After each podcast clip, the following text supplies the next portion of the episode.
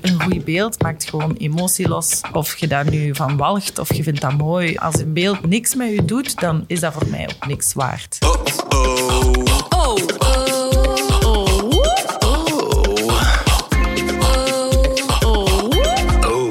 Welkom bij de podcast van Only Humans, waarin we op zoek gaan naar de sterke mensen achter merken en vooral naar hun unieke verhalen.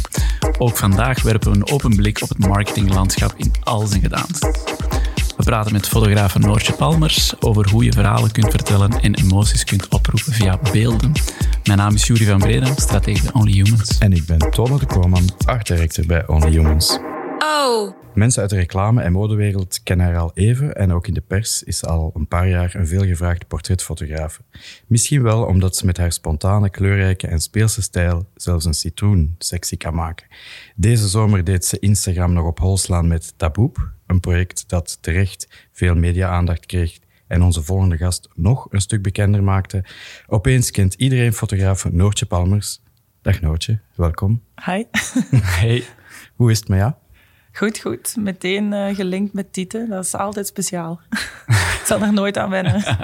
Ik heb het gevoel dat we nog veel over borsten gaan spreken vandaag. Ehm, hoe brengt een vrouw, als jij die leeft van kleur, een grijze dag als vandaag door, Noortje? De zon heeft toch een beetje geschenen, niet? Zie, de kleur is nu blauw buiten. Oké, het glas is half vol. hè? Ja, bij mij is het glas wel echt altijd Ah. half vol. Al sta ik slecht gezind op, wat ik denk dat maar drie keer per jaar gebeurt. Ik ben heel goed in mezelf afleiden. Dus eh, ik, het liefst ga ik dan nog werken. Of ja, Ja. iets doen met vrienden. Of eh, maakt niet uit. Maar als ik dan moet gaan werken, ik kan echt een knop omdraaien. En de energie van de set die ik overbreng, gewoon ehm, op mezelf reflecteren. En dan ben ik aan het einde van de dag, hebben we weer iets gecreëerd. En dan ben ik al helemaal vergeten dat ik slecht gezin ben opgestaan. Ja. Goeie truc, hè?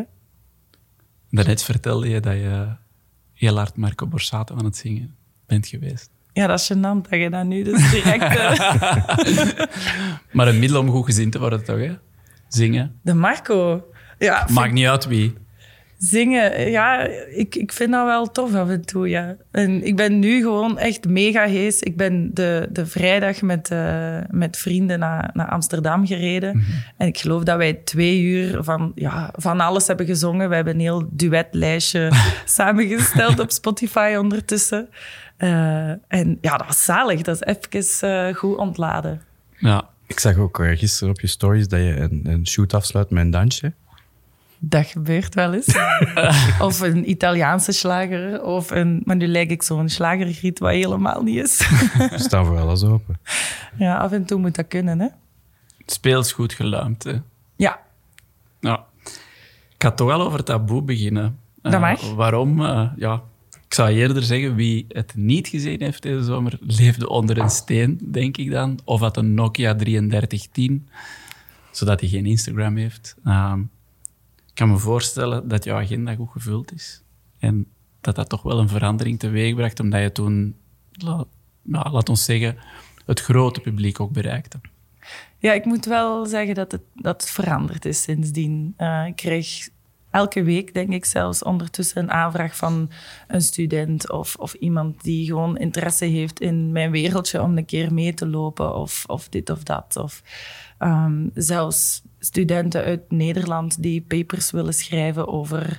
eh, ik word ineens gebombardeerd tot Instagram-expert omdat ik viraal ben gegaan met... eh, Maar dat is ook iets wat wij op voorhand niet per se verwacht hadden.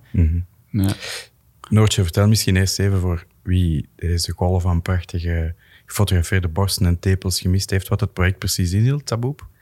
Wel, kort uitgelegd. Dus eh, Jasper de Klerk, een goede kameraad van mij, waar ik een hele leuke, creatieve eh, pingpong... eh, achtige relatie mee heb. Superleuk. vibe. Ja, ja, direct een goede vibe, heel veel energie. Ehm, die kwam naar mij op een bepaald moment en die zei...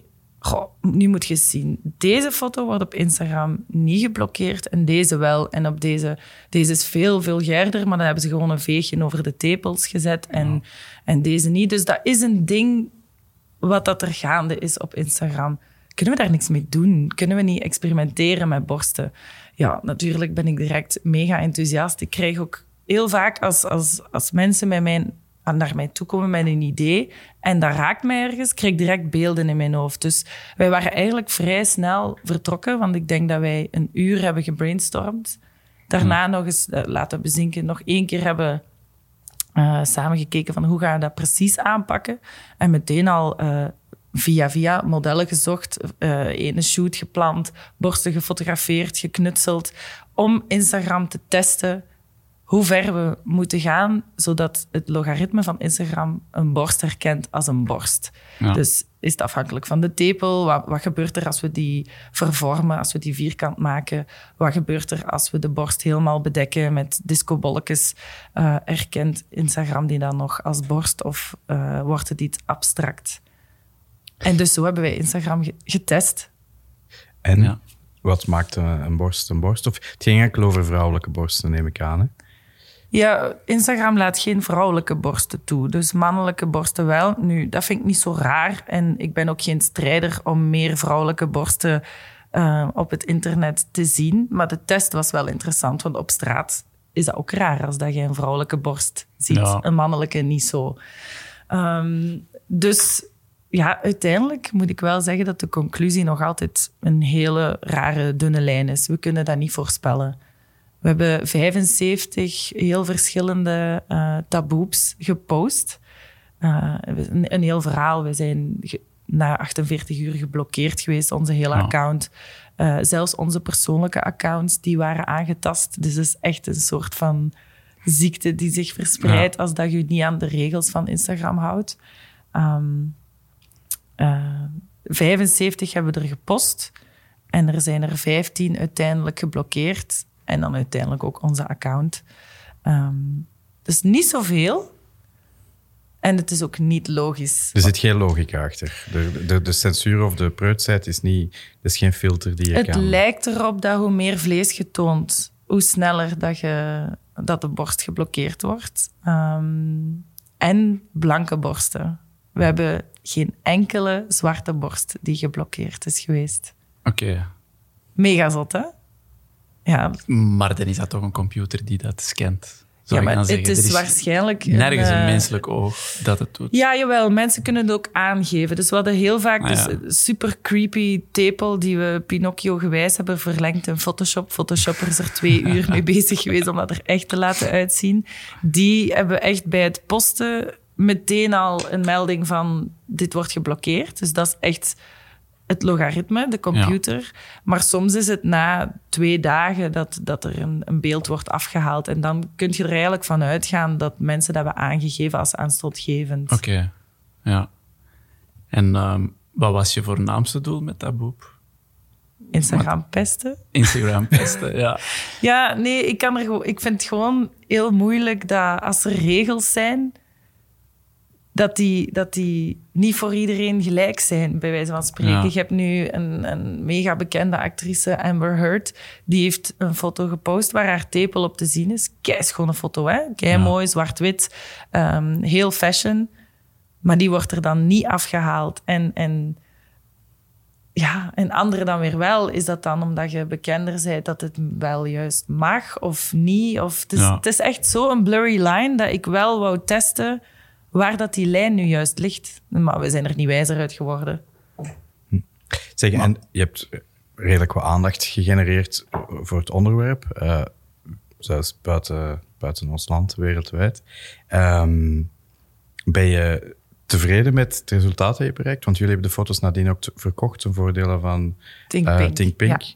Er is een expo geweest. Als je er nu op terugkijkt, want de expo is afgelopen. Hè? Ja, de expo is afgelopen. En de verkoop ook. Ja. Um, dus ik kan jullie zeggen dat we er 164 stuks verkocht hebben. Uh, we hebben ook expres gekozen om de, de taboes, zoals we ze noemen, mm. om die aan een oplage van, van 50 stuks aan 50 euro het stuk te verkopen. Zodat zelfs, allee, we hebben ook een, een heleboel tieners die dat met hun zakgeld hebben willen kopen. Ja. Dus we hebben expres gekozen om... Om het laagdrempelig Om het heel laagdrempelig. Om, het project is ook heel laagdrempelig. Mm. Dus daarom vond ik ook, het is niet omdat het ineens in de galerij gaat hangen, dat het heel duur moet worden. Um, dus 160, ja, ik vind dat een heel schoon, uh, schoon getal. De webshop heeft goed zijn werk gedaan. Ja. De expo zelf ook. Heel veel reacties gekregen. heel, eigenlijk bijna geen slechte reacties. Cool, want mensen begonnen op de duur ook zelf foto's in te zenden. Ja, dat kwam omdat het, project is... Allee, 1 juli zijn we gelanceerd met de Instagram, s'morgens. En tegen de middag hadden wij al 12.000 volgers. Dus dat is, Ja. ik had mijn PR op voorhand ook wel goed gedaan, denk ik. Maar het is sowieso een, een onderwerp waar heel veel mensen bezighoudt. Die hele feministische beweging, die Ja. sprongen er allemaal keihard op. En als een paar goede accounts u delen, ja, dan is de boot vertrokken. En na 48 uur hadden we eh 28.000 volgers of zo. We zijn gestrand op 38, Ja. als ik mij niet vergis. Nu wel volledig offline gehaald. Maar ehm, ja, dat is super, hè? Als dat, je, dat is een mega rush, want ik wou eigenlijk na twee dagen 10.000 volgers halen. Dan, dan was het voor mij geslaagd geweest. En dan in ene keer ontploft dat, staat uw telefoon niet stil. Alle kranten die je gemaild hebt, die willen nu allemaal tegelijk. En die van Nederland ook. Dus Ja. Dat was inderdaad een, een mega zotte rush. Maar Ben, ben je dan direct gaan checken ook van, oké, je hebt het aantal volgers en ook direct dieper van uit welke landen komen die al? Eh, hoe ver Tuurlijk. gaat dat? Eh, hoe viraal ben ik al? Of zijn wij al? Want ja, het is een project ook. Dat is wel het, het, het handige als dat je dat samen doet. Dat je Ja. elk zo je, je specifiek vlak hebt waar dat je goed in bent. Ja. Dus Jasper was altijd meer geïnteresseerd van ehm, dat technische gedeelte, van dat logaritme. En is dat nu computer of zijn het nu mensen? En wat zijn de reacties? En ik was veel bezig met het menselijke en de reacties op Instagram. Echt letterlijk volgen, kijken als we getagd werden, wat zeiden de mensen daarover? Ja. Ehm, het is heel grappig. Ik heb vandaag Tatjana Beloy gefotografeerd voor de eerste keer. En zij zei, ja, ja natuurlijk ken ik u. Ik, ehm, ik had gewoon op mijn Instagram een foto van deze... Op vakantie, een foto waar dat dan een borst op te zien was, gepost. En in één keer begonnen mensen u de hele tijd te taggen. Ik dacht, ja, nu weten we het ondertussen wel. Dus eh, dat, is, dat is wel leuk dat als mensen borsten en een tepel zien en mensen die er iets mee doen op Instagram, dat mensen meteen de link maken van, ah ja, taboep. Dus jij vroeg die, die actie. Dus op den duur kregen wij ehm, echt eh, mensen, alleen vrouwen, die zich aanboden van, ah, ik wil ook wel mijn borsten laten fotograferen als je nog mensen zoekt. Maar omdat vanaf dat wij gestart zijn met het project, we hebben dat ook direct begrensd. 75 foto's en meer gaan we niet testen. Want je zou eeuwig kunnen doorgaan en het Ja. blijven uitmelken, maar onze test is grondig genoeg met 75 foto's. Dus hebben wij daar toen op gereageerd van, doe gerust, hè. ga aan de slag, wees creatief met je eigen borst, Ja. stuur hem ons op en dan delen wij die in, in verhalen, in de stories. En een massa vrouwen hebben dat gedaan. Er kwamen ook echt hele mooie, soms ook vreemde resultaten uit. bon, ja, dat hoort er allemaal bij. Maar het is heel leuk dat dat een soort van beweging is geworden. Ja. Het leek wel een, een, een simpel idee, zei je daarnet, van hè, eh, Jasper kwam naar mij. Wanneer was dat dan? Was het eh, kort daarvoor? En dan In merk mei. je dat je een Ik denk dat dat in mei was. al direct. In, ja, ik ben een heel harde doener. Hè. Dat Ja. als, in mei komt die, hebben wij dat lunchje. En in juli is heel die Instagram online gegaan. Ja. Dus ik heb meteen zoiets van, ja, moeten doen. Ik ben een mega enthousiast persoon. Eh, soms tot vervelens van mijn omgeving toe. Dat ik gewoon echt overal 100% voor ga. Ja. Ik heb ooit op mijn dertigste verjaardag de bijnaam Noortje All In Palmers gekregen. Omdat als ik iets doe, dan is het meteen all in. En zo is dat met dit project ook gegaan.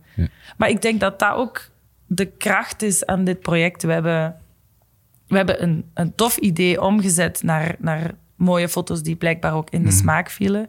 We hebben dat gevarieerd genoeg gedaan. We hebben opgelet dat we eh, de leeftijd, de, de kleur, de vorm van de borsten, dat dat allemaal verschillend was. Ja. Ehm, we hebben dan daarna de Instagram-account ook goed aangepakt. De, de, de expo die erop volgde, daar hebben we over nagedacht. Ehm, eh, als mensen een, een taboe kochten, die een webshop, dan hebben we daar ook weer werk in gestoken, weer een nieuwe fotoshoot voor gedaan, zodat mensen zagen, als, als de taboes werden vastgehouden, van ah, zo groot zijn die. En niet met één outfit, maar meteen met tien. Ehm, dus alles wat we hebben gedaan, we hebben stickertjes gemaakt die heel populair waren. En daar is allemaal over nagedacht. En ik doe liever iets waar dat je even over nadenkt Ja. en, en je doet dat te goed, dan, dan het half te doen. Dat gaat niet. Ja. Ja, het zegt Ja. veel over de kracht van, van, van de beelden die jullie gemaakt hebben, maar ook over de kracht van het medium dat je gebruikt, hè, social media. Mm. Dat je met een idee op een paar weken tijd eigenlijk zo'n stroom aan, aan reacties kan, Ja, kan teweegbrengen. Ja. Ja, dus merken, luister goed. het is heel tof dat jullie nog eh, denken in print en tv, maar Instagram is zoveel krachtiger ondertussen. En allemaal organisch, want jullie hebben niet met mediabudgetten gewerkt om... We hebben alles uit onze eigen zak betaald. Dus er zat niks van budget achter. Ja, ik bedoel ook, ook- je hebt niet hebben niet social media, gepusht. je hebt Niks niks gepromoot. gepusht. Nee, of, maar gepost. ik moet wel eerlijk zeggen, ik heb ondertussen door tien jaar te fotograferen, ik fotografeer ook veel bekende mensen, veel mensen in de sector. Ik heb mijn PR op voorhand heel goed gedaan. Ik had nog nooit mijn netwerk hoeven gebruiken. En dit was nu een project waar ik dat echt voor wou gebruiken. En het is ook iets waar dat dan geen commercieel doel achter staat. Dus was het ook gemakkelijker om als bekende mensen te zeggen: Ah ja, vind ik tof, ga ik ook delen. En ik heb op voorhand ben ik daar wel echt twee weken mee bezig geweest. Met iedereen op voorhand te stalken en te teasen. En ik werk lang in de media. Dus ik wist perfect welke persoon ik op welk postje moest aanschrijven voor een artikel of een vermelding of een, Ja. en gelukkig pakte dat ook goed uit, viel dat ook in de smaak. Eh, dus ik zal niet zomaar dat netwerk gaan gebruiken, want dan is dat, oh, daar is ze weer. Maar op dit moment, dat is de eerste keer dat ik dat echt aan mensen gevraagd heb van, willen jullie ook iets delen? En dan sloeg dat ook meteen Ja. aan. En eh, denk je dat, dat jullie project uiteindelijk ook op tafel is beland bij de mensen van Instagram zelf? Is, het, is daar, hebben Nee, jullie iets van reactie ontvangen? Nee. We hebben ook zelf geen contact gezocht met Instagram. Maar ik weet wel dat een journalist van, ehm, van het laatste nieuws, Bieke eh Corniel, als ik mij niet vergis, die heeft dat wel onderzocht. Ehm, en ik weet niet of het door haar mailtje aan Instagram is of dat het gewoon toevallig is. Maar na zeven dagen dat onze account offline is gehaald, was die ineens terug, zonder uitleg, zonder boe of ba. In één keer belde Jasper mij en zei hij... hey, mijn Instagram-account zijn persoonlijke. Ja. Die marcheert terug. Want onze, dat was echt tot onze persoonlijke accounts dat wij daar niks meer op konden doen. Ehm, dus dat is wel zot. Dat is echt een soort maffia-machtsverhaal of zo. Censuur. Ja, dat zijn grote Ja. concerns. Hè? Ja, we willen het niet alleen over taboe hebben vandaag. Het is eh, een super interessant onderwerp, maar je hebt er al heel, heel veel over eh, gepraat. Ehm, we willen het ook hebben over, over de kracht van beelden in, in, in de bredere betekenis. Want dat is wat, dat je, wat je dagelijks doet. Ja. Eh, hoe is dat eigenlijk bij jou begonnen? Want, eh, ik las ergens dat je in het begin twijfelde tussen een eh, opleiding fotografie en architectuur en grafische reclamevormgeving. Eh, heb je altijd zelf dingen willen maken of creëren? Ja, dat zit er bij mij echt wel ingebakken. Toen ik 16 was, had ik per ongeluk in één keer een... ehm, dat was toen zo'n mode dat je met, met kralen kettingen maakte. En dat is toen per ongeluk ontploft naar een kerstsale waar dat 60 man naartoe kwam om, om kettingen bij mij te komen kopen. En in, in, in Genk, in, eh, in de stad waar dat ik toen woonde, op een, in een boutique op de collectie maakte ik dan ineens kettingen. Dus allee, ik, ik, heb altijd, ik zeg het, als ik iets doe en ik, ik voel dat, dan Ja. ga ik er ook voor. En dat is dat ook al vanaf mijn zestiende, ja, was dat zo. Dus Maar die van jou zou dan ook wel echt mooier geweest zijn dan iemand anders dat kon maken, toch? Ja, Dat is toch niet alleen uit denk- sympathie nee, voor het- Noortje, nee, nee, hè? nee, dat is niet uit sympathie. Het verhaal klopte. Ja. En als ik voel dat het verhaal klopt, dan kan ik all in gaan. Ja. En dan ontspoort zich dat ook altijd, omdat ik daar dan ook enthousiast over ben. En ja, dat heeft gemarcheerd. Ik vind dat heel grappig om daaraan terug te denken. Ja, passie is heel sterk, hè? Als je dat kan over, Ja, overbrengen op mensen, wat dat je ook doet. ja ik ben er gewoon heel vol van. Ja. Maar ik moet nu wel zeggen, vroeger werkte ik eh, bij de bakker. Ik denk als ik 15 was. En die centjes heb ik bijeengespaard om samen met mijn papa in Aken, want in Duitsland is het goedkoper, om daar mijn eerste fototoestel te gaan kopen. Een 3,2 megapixel Canon klein toestelletje. En Ah, ja.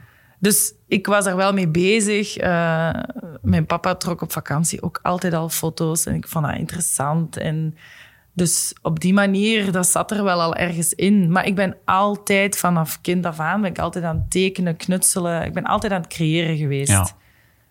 En ja, ik, ik heb ook vanaf mijn eh, eh, zes jaar tekenschool gevolgd. Dus dat creatieve, dat zat er wel al altijd in. Maar je wou eerst grafische doen. En je hebt nadien Ja, beslist van ik ga toch foto fotografie ik opleiding deed, bij doen. ik deed wiskunde wetenschappen. En eh, op een katholieke school in Genk. En als we studierichtingen moesten gaan kiezen, dan zei ik van... Goh, ik zou wel graag iets in de richting van fotografie of, of kunsten gaan studeren. Maar ze verklaarden mij daarvoor zot, omdat ik heel goed was in wiskunde. Ja, en dan zei ze, doe dan toch maar architectuur, dan heb je die wiskunde eh, toch niet weggegooid. Ja, dus ik vind dit mega bullshit. En ik ben ook heel blij dat ik toen als, als, als tiener al dacht van, nee, eh, klopt niet bij mij. Dus ik ga toch gewoon doen waar dat ik goesting in heb. En ik ben dan hier wat, wat schooldagen komen, komen bekijken, open deurdagen. En op Sint-Lucas in Antwerpen, daar werd ik zo geprikkeld dat ik zelfs niet meer naar de fotografie en naar de architectuur ben gaan kijken. Ik kwam in die richting binnen, ik zag daar en fotografie en knutselen en modelschilderen en, en ik dacht, ja, I want it all. Ja. Ehm, ja, laat mij mij maar voeden met, met dit allemaal.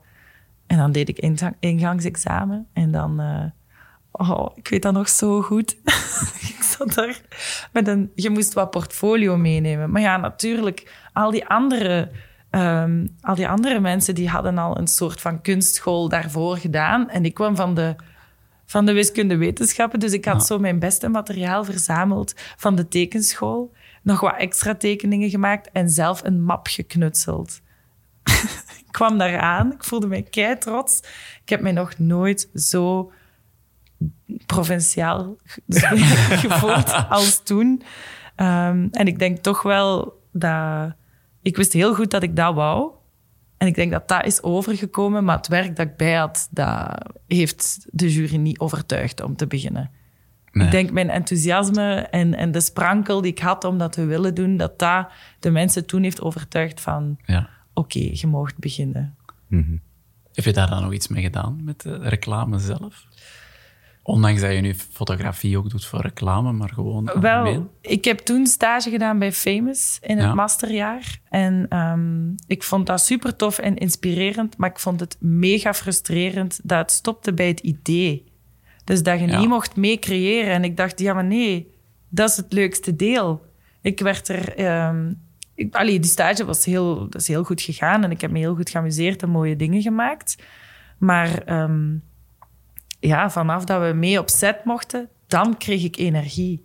En anders, na die tien weken, was ik eigenlijk gewoon leeg. Ik werd tussen vier muren op een bureau, werd ik gewoon leeggezogen van ideeën. Terwijl als ik nu op set sta, dan ga ik vol terug naar huis. Ja. Omdat alles wat dat er gebeurt mij inspireert en ik daarop kan inpikken en het toeval ook, ook zijn, zijn job laat doen. Ja, dan borrelt het. Ja, dan borrelt het echt. Ja. En na die stage heb ik beslist van nee, dit is niet mijn weg. Ik ga toch nog een jaar fotografie bijdoen.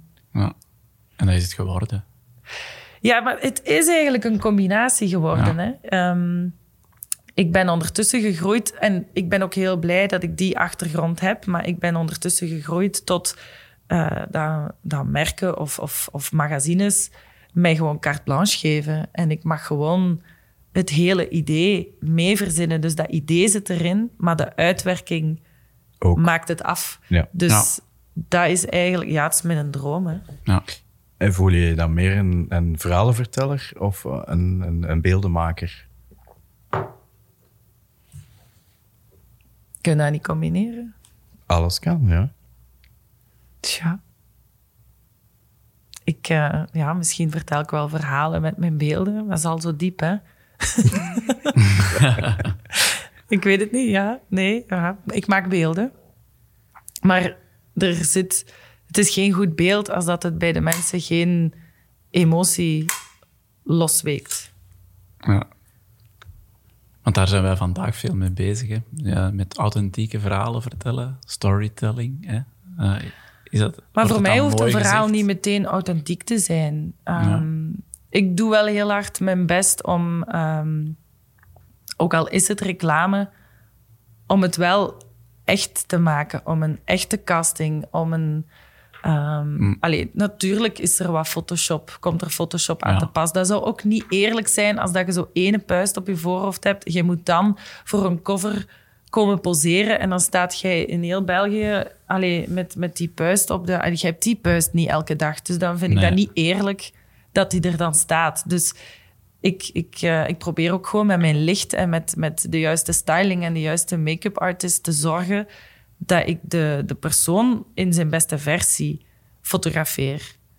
Ik ga daar geen um, geairbrushed stripfiguur van maken. Nee, Dat niemand anders, maar wel je, be je de beste, beste versie zelf. van uzelf. Ja, Ja, ja. dat probeer ik van iedereen te maken. ja. ja. Ja, jouw beelden zien er eigenlijk, zijn heel gestileerd, maar voelen ook heel spontaan aan. Ik denk dat dat uh, een groot stuk van de kracht is van wat je doet. Hoe kijk je tegenover andere fotografen aan? Denk aan Lerner ten Sander of zo, die, die ook die hypergestileerde wereld maken en die flirten met de grens tussen fotografie, uh, advertising, fashion. Is dat voor jou een must dat je in die styling, dat je dat helemaal in de hand hebt? Want dat is iets heel anders als je bijvoorbeeld... Je maakt ook portretfoto's nee. voor de krant. Daar, um, ja, ik ben ondertussen zo gegroeid dat ik, als ik een portret maak, al is dat voor de krant of voor... voor hey, dat moet kloppen voor mij volledig. Ik zou het heel jammer vinden om uh, een hele opstelling en een roze fond en dan geen styling erbij. Want dan... Mensen willen wat dat ze zien op mijn website... Dus als ik dan dat niet tot in alle puntjes mee controleer, bij wijze van spreken, Ja. dan, dan klopt het niet. Dan is het niet meer oh, Noortje Palmers. Maar ik kan enorm eh, genieten van bijvoorbeeld een Van Vleteren. Dat is één, zonder kleur. Eh, Ja. Dat is wat dat de mensen dan aan hebben. Maar hij creëert daar zijn wereld rond. En dat vind ik ook heel mooi om te zien. Dus het is niet omdat ik hou van van uh, gestileerde dingen, um, dat ik niet kan genieten van krantenreportages. Of, of als je ziet wat een Frederik Buiks doet in de bergen um, in niemandsland. Ja, ik, ik vind het fantastisch. Dat is iets heel anders dan wat ik doe. Maar ik zie wel dat dat mooie beelden zijn. Dat maakt een emotie los. Dus eigenlijk een goed beeld maakt gewoon emotie los. En of je daar nu van walgt, of je vindt dat mooi, of, of je, je vindt dat akelig, of je vindt, dat zijn allemaal emoties. Maar als een beeld niks met je doet, dan is dat voor mij ook niks waard. Ja. En hoe kan je volgens jou een echte Noortje Palmers herkennen dan? De Ja. Door de ogen van iemand anders? Ja, ja um, moeilijke vraag. Maar ook een makkelijke vraag, want mensen herkennen het wel echt Ja. al snel. Um, aan wat ligt dat dan? Ik, ik, stel me die vraag wel vaak, want ik heb uh, een tijdje terug, als dat ik mijn stijl wat aan het zoeken was, dacht ik, oh, ik ga ook eens zo hippe foto's maken. Zo heel strak en heel... Ik heb geprobeerd om heel hip te zijn. Um, en ik had een hele setting en een witte styling en, wat, en, een, en een zilveren pruik. En ja, kwam er toch Noortje uit. Dus ik kan niet anders dan dit doen. Ja. Maar ik ben wel heel blij met wat dat ik doe. Dus dat is de chance.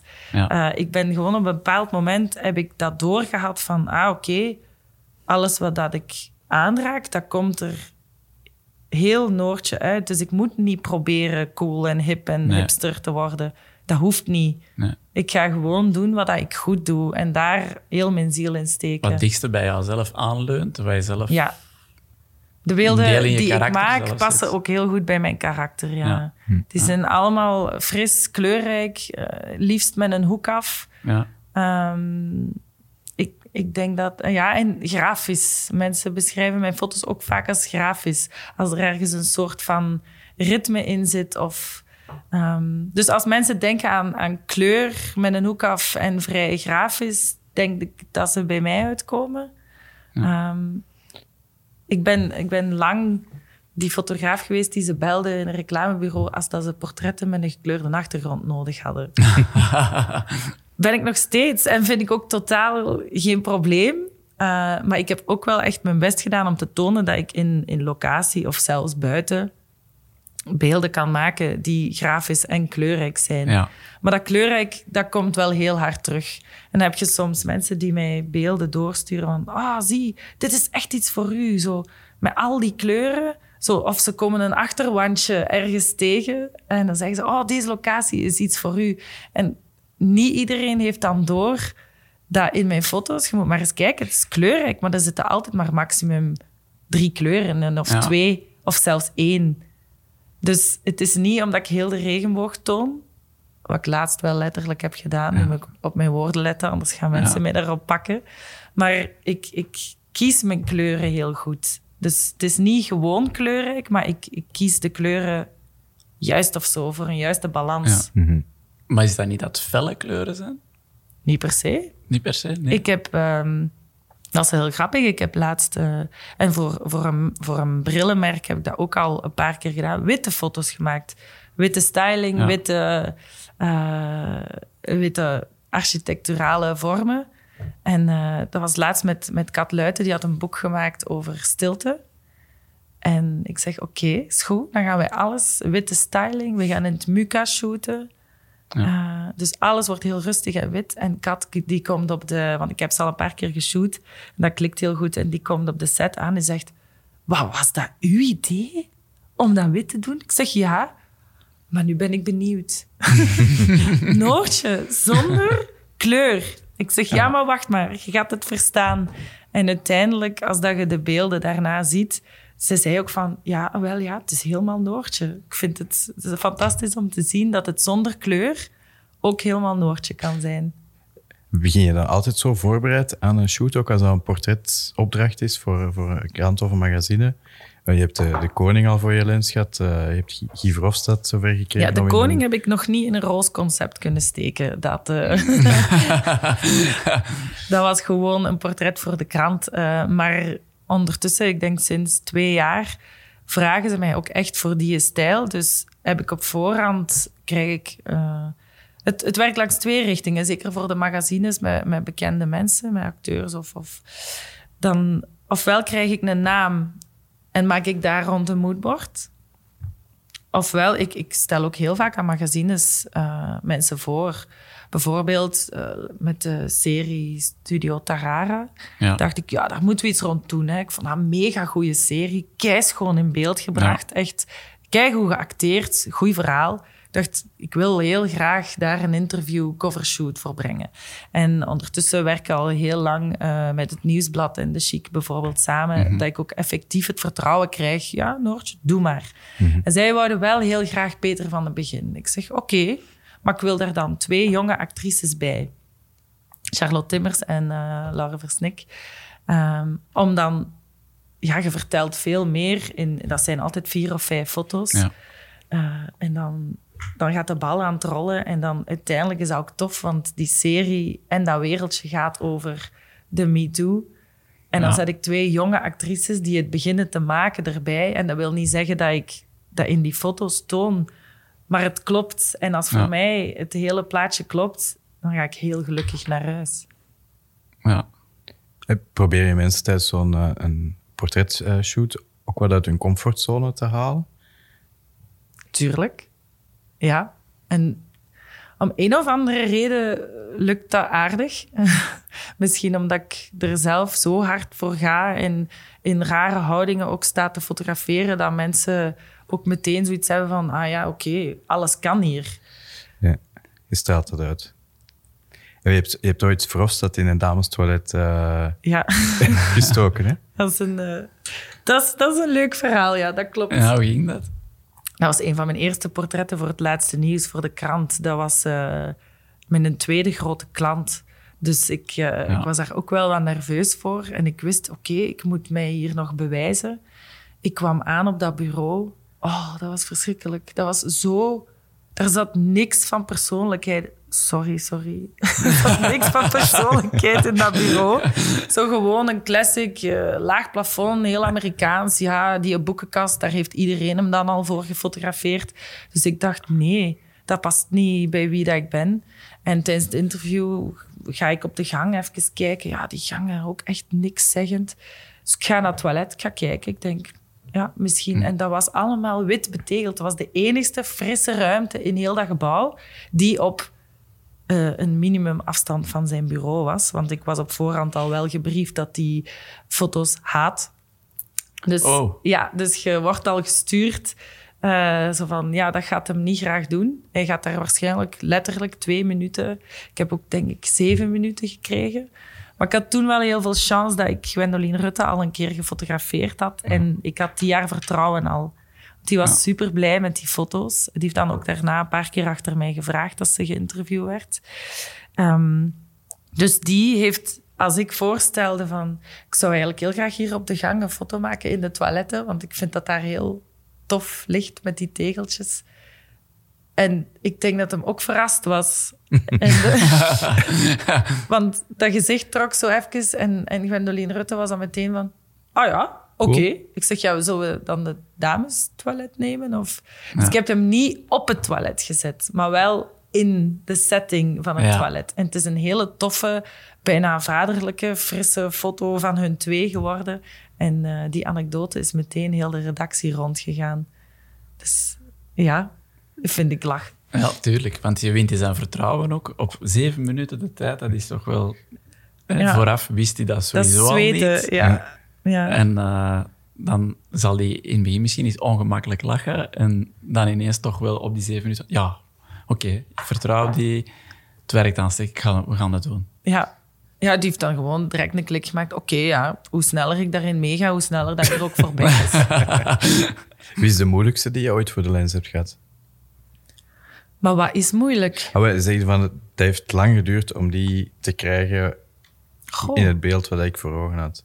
zijn dat zo van die vragen die je mij op voorhand moet stellen? Dat ik diep in mijn, in mijn geheugen Moet, moet geen graven. namen noemen ook als je niet wilt. Hè? Gewoon, Nee, maar ik ben gewoon eerst aan het denken, wat, wat is er precies moeilijk? Mensen die zich niet overgeven. ja, als, als ze niet ontdooien of als je voelt van hier duurt het wel, heb ik, moet ik extra veel energie steken om die, de sfeer te creëren die ik nodig Het heb. gebeurt wel vaak dat ik echt daarna super moe ben, omdat ik echt alles heb moeten geven om... om ja, ik ben eigenlijk, terwijl ik aan het fotograferen ben, heel veel aan het coachen.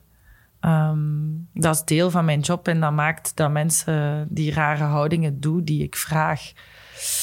Maar eh, ja, daar weet ik zo meteen geen antwoord op. Ehm, maar ik heb bijvoorbeeld wel... ehm, eh, is dat al twee jaar geleden? Tijd gaat zo snel dat ik zou durven zeggen twee jaar. Of was het anderhalf, ik weet het niet. Angel mogen fotograferen voor het nieuwsblad. En die is zo specifiek bezig met wie dat ze is. Dat, het, dat ze op voorhand een moodboard moesten goedgekeurd hebben. En op voorhand... ehm, dus er hing wel wat kak aan. En dan hadden we een, een, een heel tof, fris moodboard goedgekeurd gekregen met een beetje een Brigitte Bardot ehm, stijl. De styling was super tof. En dan hebben we de, de make-up. Nou, eh, Caroline deed dan de, de make-up kei schoon, zo wat Brigitte Bardot. En dan, ja, dan moesten die lippen dan toch in een andere kleur. En die wimpers moesten er dan toch af. En de kapper had haar haar eigenlijk te blond gekleurd op voorhand. Ja, daar konden wij niks aan doen. Dus dat begon al wel zo'n beetje controlish. Maar uiteindelijk gaf die zich wel over. En zijn dat kei mooie foto's geworden. Die vond op set de styling ook wel echt tof. En dan, als dat je de foto's doorstuurt en zegt, deze gaan er verschijnen, keur die nog de helft af. Ah. En dan vind ik dat echt heel jammer, want dat had echt zo'n coole cover geweest. En juist die keuren ze dan af. En dan had ik heel veel spijt dat ik op voorhand de foto's heb doorgestuurd. Ja. Maar op zich was dat een hele fijne shoot en was dat een heel fijne madame. Eh, maar die is heel... Ja, eigenlijk zijn muziekartiesten heel moeilijk om in een concept te steken. Want die zijn heel hard bezig met hun eigen merk te creëren. Ja. En als je er dan buiten gaat, terwijl voor een acteur, ja, die zit zo, zo vaak in een andere rol. En zij was de klant. Of de nee, opdrachtgever? Nieuwsblad was de klant. Nieuwsblad was de klant. Maar ja, zij is met haar eigen merk bezig. Met de regie daarover. Jij Ja, de regie over een goed beeld. Ja, maar dan- ik, ik doe wel... Ik ben niet zo iemand die, die heel hard vasthoudt aan... Nee, dit heb ik in mijn hoofd, dus dit gaan we doen. ik, ik maak ook samen met mijn team opzet de foto's. Ik ben wel de, de leidraad en, en degene die de eindbeslissingen maakt. Maar als, ik, ik ga ook samen met de mensen aan de slag. Ik wil ook dat die zich goed voelen bij die foto's. En dat is wel iets waar ik echt naar streef. Dat mensen ja. achteraf zeggen... Amai, dat zijn echt zalige foto's, bedankt. Dat vind ik heel belangrijk. Dus ja, je bent goed voorbereid, maar je staat eigenlijk ook op de set heel open voor, onverwachte Ja. en spontaan. hè. Want ik heb het zelf ook meegemaakt als we eh, samen geshoot hebben voor Switch.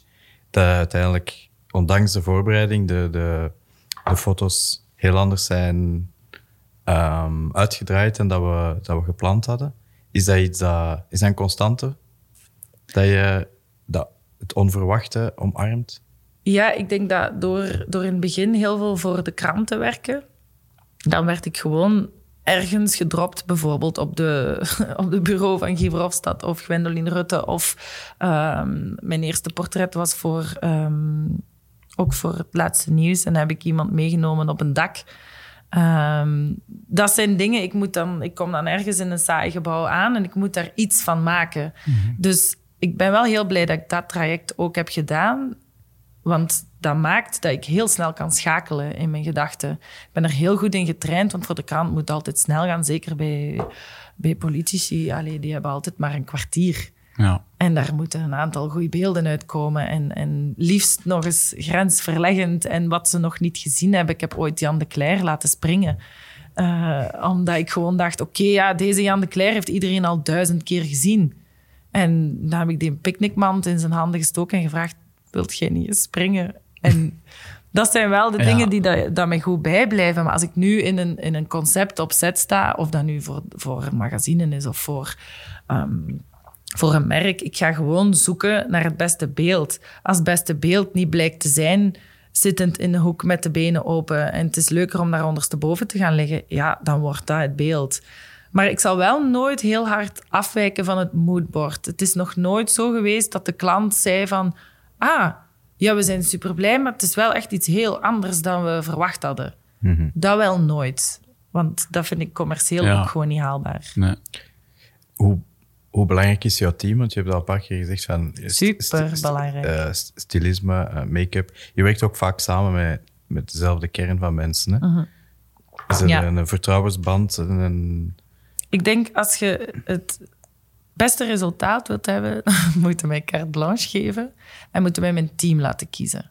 Ehm, en ik heb bijvoorbeeld zo drie make-up artisten waar ik dan tussen afwissel. Ehm, en dat is altijd wel een van de drie die kan. En eh, voor styling is het altijd met Farah El Bastani meestal. We hebben een heel goede positieve vibe. Want dat vind ik ook heel belangrijk, dat je met je team op set een heel positieve, productieve eh, sfeer creëert. Waardoor dat ook iedereen gaat vliegen. Waardoor Ja. dat iedereen wil knallen. En dat, dat, die energie, die voelt je in de foto's. En ik zal ook altijd de mensen die voor mijn lens staan, of dat nu modellen zijn of niet, ik zal die coachen. Ik zal die tonen, al is dat aan een moodboard of doe ik het zelf voor, wat meestal nergens op trekt, maar in mijn hoofd ziet dat er dan goed uit. Zal ik tonen van dit is wat ik, welke weg ik op wil. En dan kunnen mensen ook meewerken. Dus ik zie ook de beelden die we maken, maak je als een team. Met al die schakels. Als dat jij een model hebt wat helemaal mee is met wat jij bedoelt, ja, dan is je foto nog beter dan dat die zomaar wat staat te staan en niet meer durft te ademen. En, en ja, natuurlijk is, is, is styling super belangrijk. Mensen onderschatten dat enorm. Maar waarom is Stromae zo populair? Omdat hij niet alleen goede muziek maakt en dan ook nog eens intelligent is. Nee, die trekt dat door in een, in een kledinglijn zelfs, in, in zijn clips, in dat is gewoon stilistisch super sterk. En dat is, dat is nu heel hard aan de orde. Iedereen die ook in muziek wilt groeien, is bezig met een imago uit te bouwen via styling. Ja, Omdat Instagram ook een, een medium is waar dat je dat kunt tonen. Als dat je je persoonlijkheid wilt tonen, want persoonlijkheid verkoopt, dan moet jij tonen wat dat jij zijt in je beelden, in, in je muziek, in je, Ja. in je kledij. Dus personal branding eigenlijk. Hè? Ja. Ja. Maar- Maar, het neigt dan soms wel... Dat kan bij sommigen dat het te gelikt ook wel wordt. Hè? Dat het om een duur te gestileerd wordt. Zo. Hoe hou je dan nog spontaniteit? Dat is, dat is toch een heel moeilijk... Wel, like bij, bij Stromae is alles zo hard op voorhand bedacht. En toch voelt dat niet geforceerd, omdat dat verhaal klopt. Oké. Ja. En dat zal voor iedereen anders zijn. Ja, Hè? Als dat je kijkt naar, naar een, een persoon... Ik zeg maar, als je kijkt naar Kat Luiten, die heeft zo'n eh, een casual noncha vibe rond zich Mhm. hangen. Dat heeft die, dat heeft die altijd, maar dat is haar merk. En Stromae heeft een strak merk. Ja. En, en ja, Mhm. iedereen heeft zo zijn, eh, zijn stijl. Wat ik ook heel tof vind aan, aan Farah, mijn vaste styliste, dat die heel goed kan zien wie de persoon is en daar een zotte versie van maken. We Ja. vandaag eerst Tatjana Baloy op de set en dan eh, Anouk Maton. En dat is voor dezelfde kerstreeks. En toch slaagt zij erin om die twee persoonlijkheden te accentueren in de styling. Ja. Dat is toch mega maf? Ja. En dat vind ik zo gaaf om te zien. En dan samen met de houding die we bedenken en het concept, kloppen die foto's bij elkaar. En toch is dat een heel andere persoon. Ja. Ja, je zei daarnet, muzikanten zijn een merk, eh, acteurs zijn een merk. Maar jij bent ook, Noortje Palmers is ook een, een merk. Als fotograaf moet je jezelf ook profileren. Je gebruikt ook social media. Ehm, hoe hard ben je daar mee bezig? Want dat is een, nog eh, iets anders dan het puur creëren. Dat is dan de, de beeldvorming rond, rond Noortje. Dat is, dat is vanzelf gegroeid eigenlijk. Ehm, Instagram is natuurlijk een super dankbaar medium. Uh, maar als je naar mijn website kijkt, is dat ook heel in één oogopslag heel duidelijk waar dat ik voor sta. En natuurlijk doe ik moeite om mijn Instagram mooi netjes per drie lijntjes te onderhouden. Gewoon, ja, dat is mijn portfolio. Als mensen je naam opzoeken, dan scrollen die meteen even door je portfolio. En op mijn Instagram is het gewoon heel duidelijk van, ah ja, oké, dat is wat dat Noortje doet. En als mensen dat niet bij een merk vinden passen, vind ik dat prima. Maar, maar ik wil ook het liefst natuurlijk dat mensen mij boeken voor mijn sterkte. En door dat te tonen, gaan mensen nu ook daarvoor boeken. Het is, het is effectief zo, uh, is dat nu twee of drie jaar geleden? Pff, ik ben niet goed in tijd, ik, leef uit. maar. Um, maar ik weet dat, um, dus ik deed heel veel portretten voor de krant en ik wou zo wat meer richting fashion, conceptuele dingen gaan. Dus heb ik gewoon drie keer vrij werk gemaakt, een heel team opgetrommeld, een leeg zwembad gezocht, vijf zwarte modellen gezocht, uh, bij mijn visboer om de hoek gevraagd of dat hij een hele week de vissen die hij ging weggooien zou invriezen. Um, uh, twee make-up artisten gevraagd en gewoon een dag gaan shooten, dat opgestuurd naar alle magazines. En dat heeft gemaakt dat ik kon tonen van kijk, dit is wat ik doe, wat ik wil doen. Ja. Ja, if you wanna uh, sell apples, show apples. Dat is echt, Eline Ross zegt dat altijd. En dat is effectief waar. Dus als ik nu denk, oei, ze boeken mij alleen nog maar voor portretten met een gekleurd achtergrondje, dan ga ik zorgen dat ik in ene keer meer toon van, ik kan dat ook op locatie. En ik kan ook dieper gaan op dit, of ik kan ook... Ja. Of nu met taboep, ik kan gewoon kleurrijke borsten fotograferen. Is dat geen raar idee? En ik ben wel... Ja, een van mijn beste vriendinnen, die heeft een heel goed uh, um, bureau in interieur. En die heeft mij ooit gezegd van, je moet gewoon elk jaar, niet per se mijn nieuwjaar, maar elk jaar stelt je één doel. Een haalbaar doel. En je werkt daar gewoon naartoe. En dat is eigenlijk super bevrijdend, want dan moet je niet altijd blijven... Allez, je moet blijven gaan, maar je moet jezelf een soort van druk opleggen om te blijven groeien, ja. maar niet een constante druk, zodat je dat gaat blokkeren. Ja. Dus toen ik dat vrijwerk maakte, was mijn doel standaard magazine. En net toen ik 30 werd, is mijn eerste modeproductie in de standaard magazine uitgekomen. Okay, Dubbel ja. feest. Ja. Dat van 2020 wordt een videoclip. Oké. Okay. Redelijk ambitieus, Vertel maar daar eens. wil ik naartoe werken. Ja. Want video wint aan belang, hè? Eh, ook op social, video is, is super belangrijk. En je bent ook al met video bezig. Ik ben er ook al mee bezig, omdat, maar dat is per ongeluk gekomen. Omdat ehm, soms sta ik op een set, bijvoorbeeld toen met die, met die vijf uh, afro-beauties in dat zwembad met die 110 dode vissen. Toen stond ik op set en dacht ik, ja, ik ga niet alleen foto's maken. Dit is te veel mooi materiaal. Hier is veel moeite in gestoken.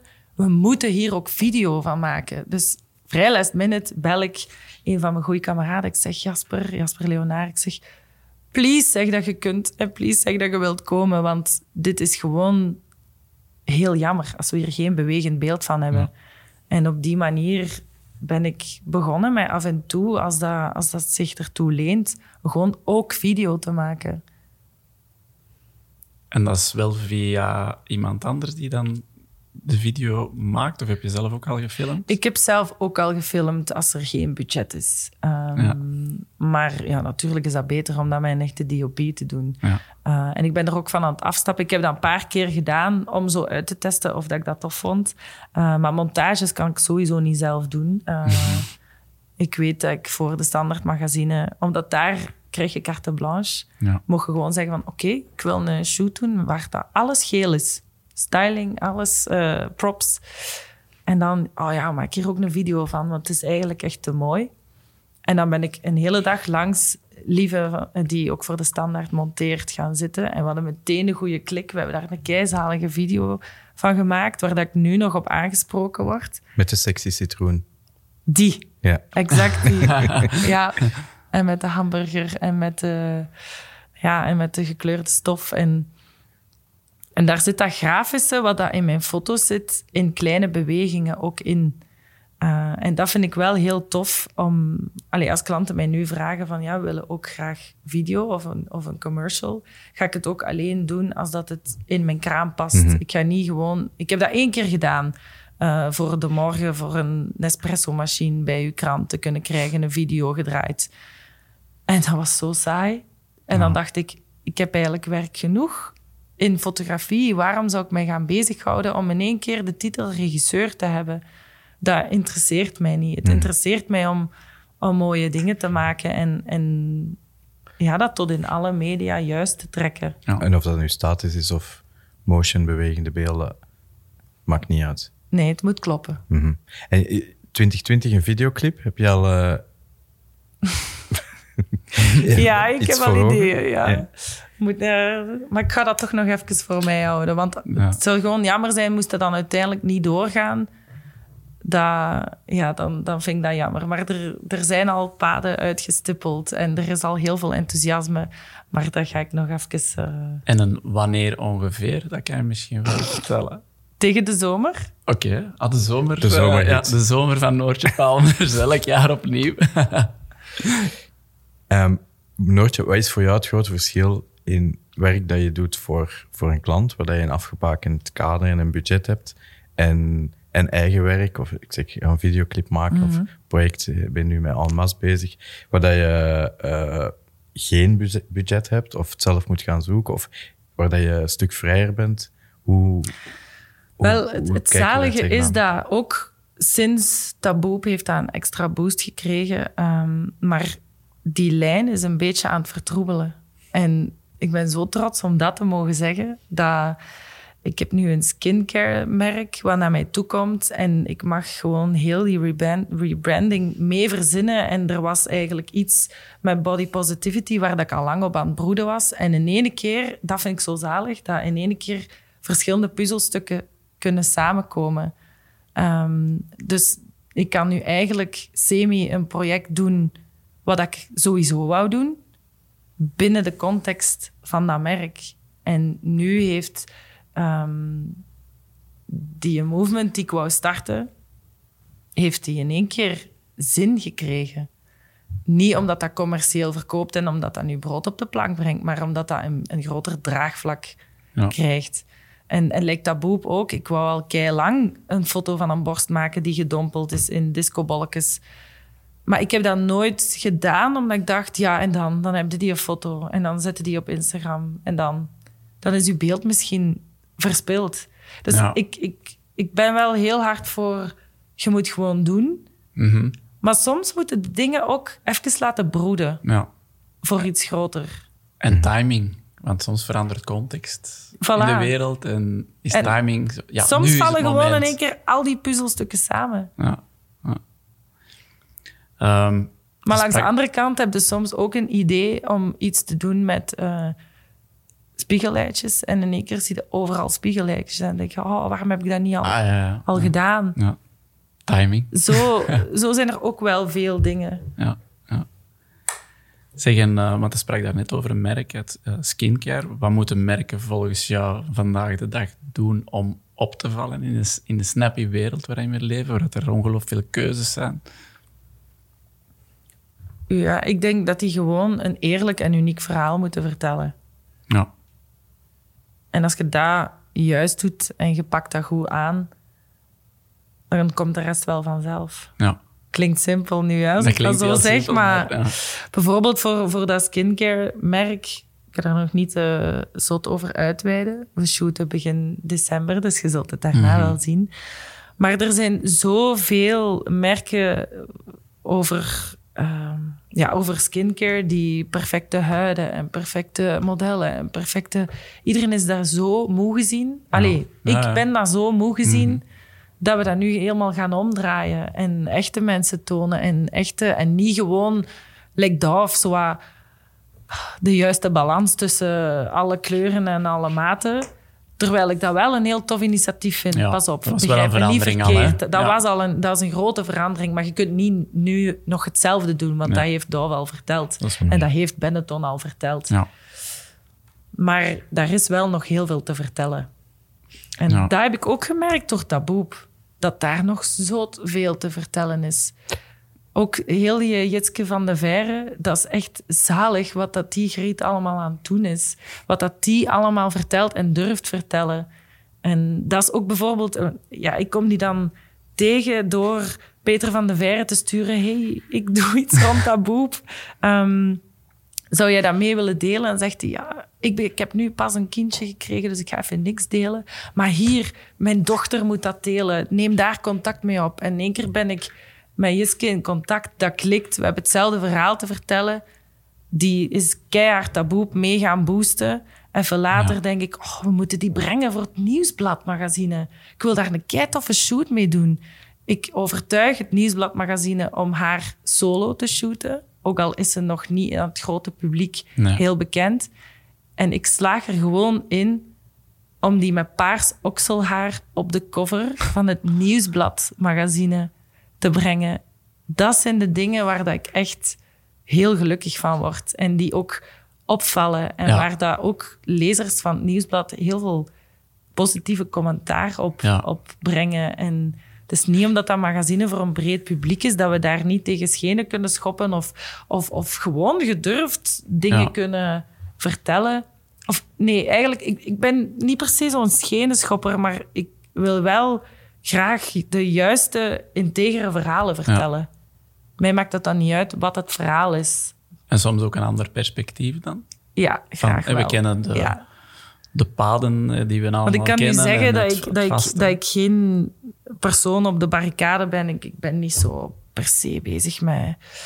Ja, ik ben wel een feminist in de echte betekenis van het woord, maar niet de zotte okselhaar-connotatie die dat deze dagen heeft gekregen. En ik vind het ook wel heel tof dat, dat Angel daar een steentje in bijdraagt, maar ik word dat ook heel snel beu. Mhm. Ehm, ik, ik- want op die manier gaan mannen zich niet outen als feminist. En we hebben Ja. juist meer, meer ouder een vriendin van mij, die zei dat laatst, we hebben juist meer mannen nodig die feminist zijn. Die hun vrouwen carrière laten maken en thuis blijven bij de baby. En, en daar volledig achter staan en dat niet erg vinden dat een vrouw dubbel zoveel verdient als Ja. hun. En die hebben we nodig. Niet die vrouwen met dat okselhaar. en dat vond ik eigenlijk een heel mooie...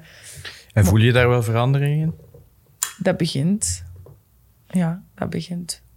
En heb je nu zelf ook de smaak te pakken gekregen om, om, om je werk en media of social media te gebruiken om bepaalde dingen aan Ja. te kaarten? Of om... Daar ben ik wel al een tijdje mee bezig. Want ik, ik ben al lang bezig, dat, zelfs als, als ik een campagne deed, twee of drie jaar geleden voor de lijn, van daar niet gewoon een blond gezinnetje op te zetten. Van, van, en ook niet gewoon zo, ah, we hebben vijf mensen nodig, we steken er een afro tussen en het is in orde. We hebben de quota Ja. behaald. Dat is Ja. iets waar ik zeer allergisch voor Ja. ben. Ik heb een half jaar geleden voor, voor Antwerp Most Brilliant, een, een label van de stad Antwerpen voor, voor de diamantsector, heb ik carte blanche gekregen en heb ik de casting mogen, mogen kiezen en heb ik een zwart model zonder afro, maar gewoon met kort haar en, en dan een, een blond model, maar meer zo blond dat het bijna alien werd. En die heb ik samen in een campagne getoond in plaats van één blond model met schoon blauwe ogen en, en een ketting. Nee, Ja. ik, ik zoek wel echt die grenzen op. En ik heb die campagne nu mogen verlengen omdat ze die, omdat ze die succesvol vonden. En de casting nu is één keer de combinatie tussen een, een model en, en een model van Bosnische afkomst. Maar daar, die had even goed van, van Zuid-Amerika of van, Ja. van Iran kunnen zijn. En dan het, eh, de derde, het derde beeld is zelfs een, een jongen. Een hele mooie, maar geen man-man. Want als ze dan de man willen tonen, dan is het meteen met een baard en, eh, en een man-man. Nee, nee. we- Androgyn dan? Niet echt androgyn, maar wel Nee. een jongen. Ah ja, ja. Ja. En dan daarnaast een, een meisje met een heel mooi gezicht en een kort kapsel. Ja. En ik vind, dan word ik heel gelukkig als ik zie dat die casting zo goed klopt en als de klant dat ook begrijpt. Hmm. ja.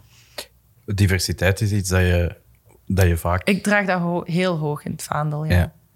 En dat is ook een verantwoordelijkheid die je, die je graag draagt als fotograaf, want je, Ja. je brengt mensen voor de camera, je zorgt voor een beeldvorming. Ja, omdat ik vind dat dat nog heel verkeerd zit in Vlaanderen.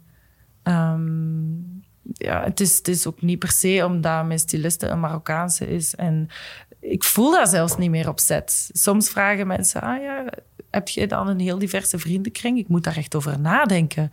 Niet omdat ik ze moet gaan zoeken, maar gewoon omdat ik dat niet zie. Of, of, of, of er veel eh, homo's of lesbiennes in mijn vriendenkring zitten. Ik, ik moet daar echt zo even over nadenken, omdat ik de mensen zo niet zie. Ja, en als iedereen dat een beetje zo zou zien, dan zouden wij een mooiere, mooiere wereld Allemaal hebben. minder labelen. Ja, Dat is, eh, dat is wel niet gemakkelijk, hè? Eh, voor velen. maar als merken daar eens mee zouden beginnen, of Ja. tv-programma's, Ja. of... Maar diversiteit zit in veel. Hè. Ik bedoel niet gewoon dat we dan ergens eh, een... Ah, we steken er één Marokkaans kindje tussen en het is in orde. Nee, Ja. soms is diversiteit juist een zwangere vrouw tonen ja. in een gezin. Allee, dat heb ik bij de lijn gedaan. Ze wouden wel per se een blond gezin. Zeg ik, oké, maar dan, dan is die moeder zwanger. Klaar. Ja, en dan is het beeld wat we daarnaast maken, is dat wel divers met een Spaanse en, en ja. iemand met een andere afkomst. En, allee, dus de mix moet ook gewoon natuurlijk ogen. En anders lijkt dat zo gekunsteld. En dan vind ik juist dat je... Dan wil ik eigenlijk liever dat ze gewoon een blank gezin tonen... dan dat het zo echt een excuus eh, persoon ertussen steken. Je hebt, nu ben je bezig met een reeks masse. Daar heb je al één, beeld. één beeld gemaakt, Ja. foto en video. Maar dat is de bedoeling dat dat een reeks wordt die, waar dat Ja, ik heb diversiteit tien thema's. Haha, Wat doe ik mezelf aan? Dat is een meerjarenproject dan. Of, Dat vrees ik wel, ja. Dat is heel veel werk. Maar omdat het veel werk is, is het niet iets wat mij afschrikt. Dat steekt al een jaar in mijn hoofd te broeden. En ik weet dat ik een jaar geleden tegen Farah zei van... Oh, ik vind dat zo...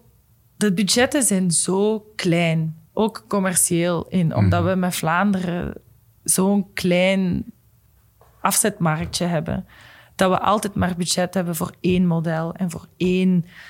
En ik ben, dat is voor mij al elke keer een strijd om gewoon al twee of drie modellen op de set te krijgen. En, maar ik vind ritme heel mooi in beelden. Dus als dat jij drie assortie... Daarom vind ik voor magazines werken zo tof. En dan tonen we in één keer drie acteurs. Eh, of ik heb zo de jonge garde nieuwe acteurs gefotografeerd. En dat zijn er dan vijf in kostuum. Ja. En dat geeft gewoon eens een, een ander beeld dan gewoon één persoon op de cover. Dus dat zat al langer te broeden. En ik zei van, ja, als we zo een massa mensen stylen. Want je ziet wel vaak beelden in de, op, voorbij komen, ook in de kunst. En dan zijn die altijd naakt. En dan denk je, oh ja, dat is makkelijk, want je moet die niet stylen. Dat is veel werk, mensen goed stylen. En wat ik dan zo tof vind aan de clips van, van Balogi of van Stromae, is dat die styling gewoon wordt doorgetrokken naar, naar een hele groep. En ik dacht van, ja, dat zijn ook dingen die ik wil maken. Dus ik heb nu ehm, mijn team zo zot gekregen om gewoon mee te doen. Ik heb zelfs een castingbureau, Sien Josephine, heb ik zo zot gekregen om gewoon gratis voor, voor dat verhaal te vertellen, om gewoon mee die casting te doen. En dat eerste beeld, ja, ik heb tien thema's bedacht en dat eerste beeld uh, hebben we dan net voor de Pride geshoot en, en, en naar buiten gebracht. Ging over gelijkheid. En ik weet zelfs niet van die 33 personen die op mijn set stonden, wie er gay is of niet. Want mhm. Daar gaat het niet over. Er zaten zelfs twee kindjes tussen. Het gaat er gewoon over dat hoe je eruit ziet, wat je geaardheid is, wat je hobby's zijn. Iedereen is een mens. Ja. Klaar. Mhm. En dat is wat ik met dat beeld wou vertellen. Maar ik wil zo niet vertellen, je moet iedereen als gelijke zien. Nee, ik wil dat dat een, een, een discussie bij mensen... Ik heb ook al die mensen geportretteerd. Als je die langs elkaar gaat zien, gaat je 33 heel verschillende individuen zien, heel verschillende persoonlijkheden. En dat, dat was al het grootste, de grootste fun van die job te doen, buiten het uitvoeren, om die juiste casting mee in te zoeken. En op set dan ook te zien dat iedereen met elkaar ook een heel fijne omgang heeft. En iedereen was daar voor mij, hè, om dat beeld te maken, om, om, om iets moois te maken. Iedereen helemaal naar Brussel afgezakt. Gewoon voor iets moois te maken, om een mooi verhaal te vertellen. En dat was nu deel 1 en de volgende negen delen, die, die hebben al vaste thema's? Of de... Ja, maar kan ze niet in de winter shooten. Dus het ligt even... Uh, we zijn ze nu aan het voorbereiden. Ik ben nu locaties aan het zoeken. Casting gaan we pas opstarten als, als dat we... Ja, je moet dat nu nog niet opstarten voor uh, mensen in april te gaan shooten. Mhm. Maar het gaat over oceaan en plastiek. Het gaat over Alzheimer gaan. Het gaat over immigratie gaan. Het gaat over um, gingers gaan blijkbaar nog steeds, steeds een stigma. Mega zot. ja. ja. dus um, ja, ik ben ook eentje aan het bedenken over HIV. Want ik heb deze zomer uh, heel veel mensen geportretteerd die voor Sensoa, die met, met HIV door het leven gaan. En dat dat nog zo'n zot stigma is. En je gaat er zelfs niet meer dood aan als dat je medicatie juist neemt. Dus als je mocht kiezen tussen kanker of HIV, ik zou het wel weten. Ja, Dat is wel echt een gore keuze. Maar ja, ja. Er zijn nog te veel mensen die dat niet weten. Die, die zich nog gaan douchen als ze weten dat ze besmet zijn geraakt. En het zijn zo'n thema's die, die ik tegenkom, waar dat ik dan iets mee wil vertellen, waar ik discussie mee wil. Ik wil daar eigenlijk met mijn beelden een conversatie starten. Mm althans, of althans door te inspireren om er anders naar te kijken, naar bepaalde dingen, zonder dat dat heel act als activist zonder dat dat, Ja, ik ben geen activist. Echt niet. Daar heb ik niet de ambitie of de ruggengraat voor. Um, ik ben geen barricadestrijder. Maar ik vind, dat, ik vind dat wel tof om mensen een andere kant van dingen te laten zien. Mhm. Ik geloof ook meer dat dat... Uh... Ja beter op lange termijn kan werken. Ik vind dat ook heel tof dat, dat ik nu besef dat ik een soort van mee bepaal wat dat de media toont. Mhm. In zowel reclame als magazines. Ik vind dat... Het is wel een zotte macht eigenlijk. Mhm. Maar je creëert ook wel dingen. Hoe kijk jij aan tegen... Je hebt ook de, de, de, eh, het belang van heel de influencer marketing en hoe die ingezet wordt. Uh, dat zijn mensen die niet altijd talenten hebben die ze gebruiken, die meer hun following inzetten. Ehm, hoe kijk je daar tegenaan? Tja, overal is een markt voor. Hè? Je hebt ook, ik, ik, was vroeger ook mega fan van de Spice Girls. En ook vijf lege dozen bij elkaar gesmeten die niet eens kunnen zingen. Ja, als dat marcheert, marcheert dat. Hè? En dan doen ze toch iets goed. Hè? Mhm. Ja ik vind ook niet dat iedereen per se een hoger verhaal moet vertellen. Absoluut niet. Iedereen doet gewoon wat dat, wat dat hij wil, waar hij goed in is. En als dat marcheert, zoveel te beter. Ja. Jij bent nu zelf ook een influencer en iemand die toch, toch het doel heeft om iets te beïnvloeden. Als je dat heel letterlijk neemt. Als je dat letterlijk neemt, misschien wel, ja. Welke merken kijk je naar op? Dat je zegt van, eh, als ik daar nu eens beelden voor zou kunnen maken om, om, om, om iets te kunnen vertellen? Goh. Maar ja, ik maak maar één doel per jaar, hè. En er zit nu geen merk in. 2021. Ja, nee, maar ik vond het wel bijvoorbeeld heel leuk om voor Zalando iets te kunnen geshoot hebben met jullie. Ja. Dat vond ik, eh, dat vond ik wel gaaf. Ehm, dat ik voor de Standaard magazine mocht shooten, dat was voor mij ook echt een mijlpaal. Dat vind ik ook een heel mooi merk. Ehm, dat ik nu voor dat skincare, dat, dat gaat echt over, over ehm, make-up die, die, alleen, die niet op dieren getest wordt, die, die alleen met natuurlijke mineralen gebruikt, eh, waardoor dat je huid nog blijft ademen. Dat zijn wel dingen, ja, tuurlijk, als dat leuke merken zijn, is dat extra leuk om daarvoor te werken. Maar ik ben ook niet, niet vies voor, voor andere merken die pff, voor Fristi iets te shooten. Geen probleem, superleuk. Ja. Ja. Het is roze, hè? Ik weet niet, ja. En dacht ik, oh, ik ben weer iets rood aan het zeggen.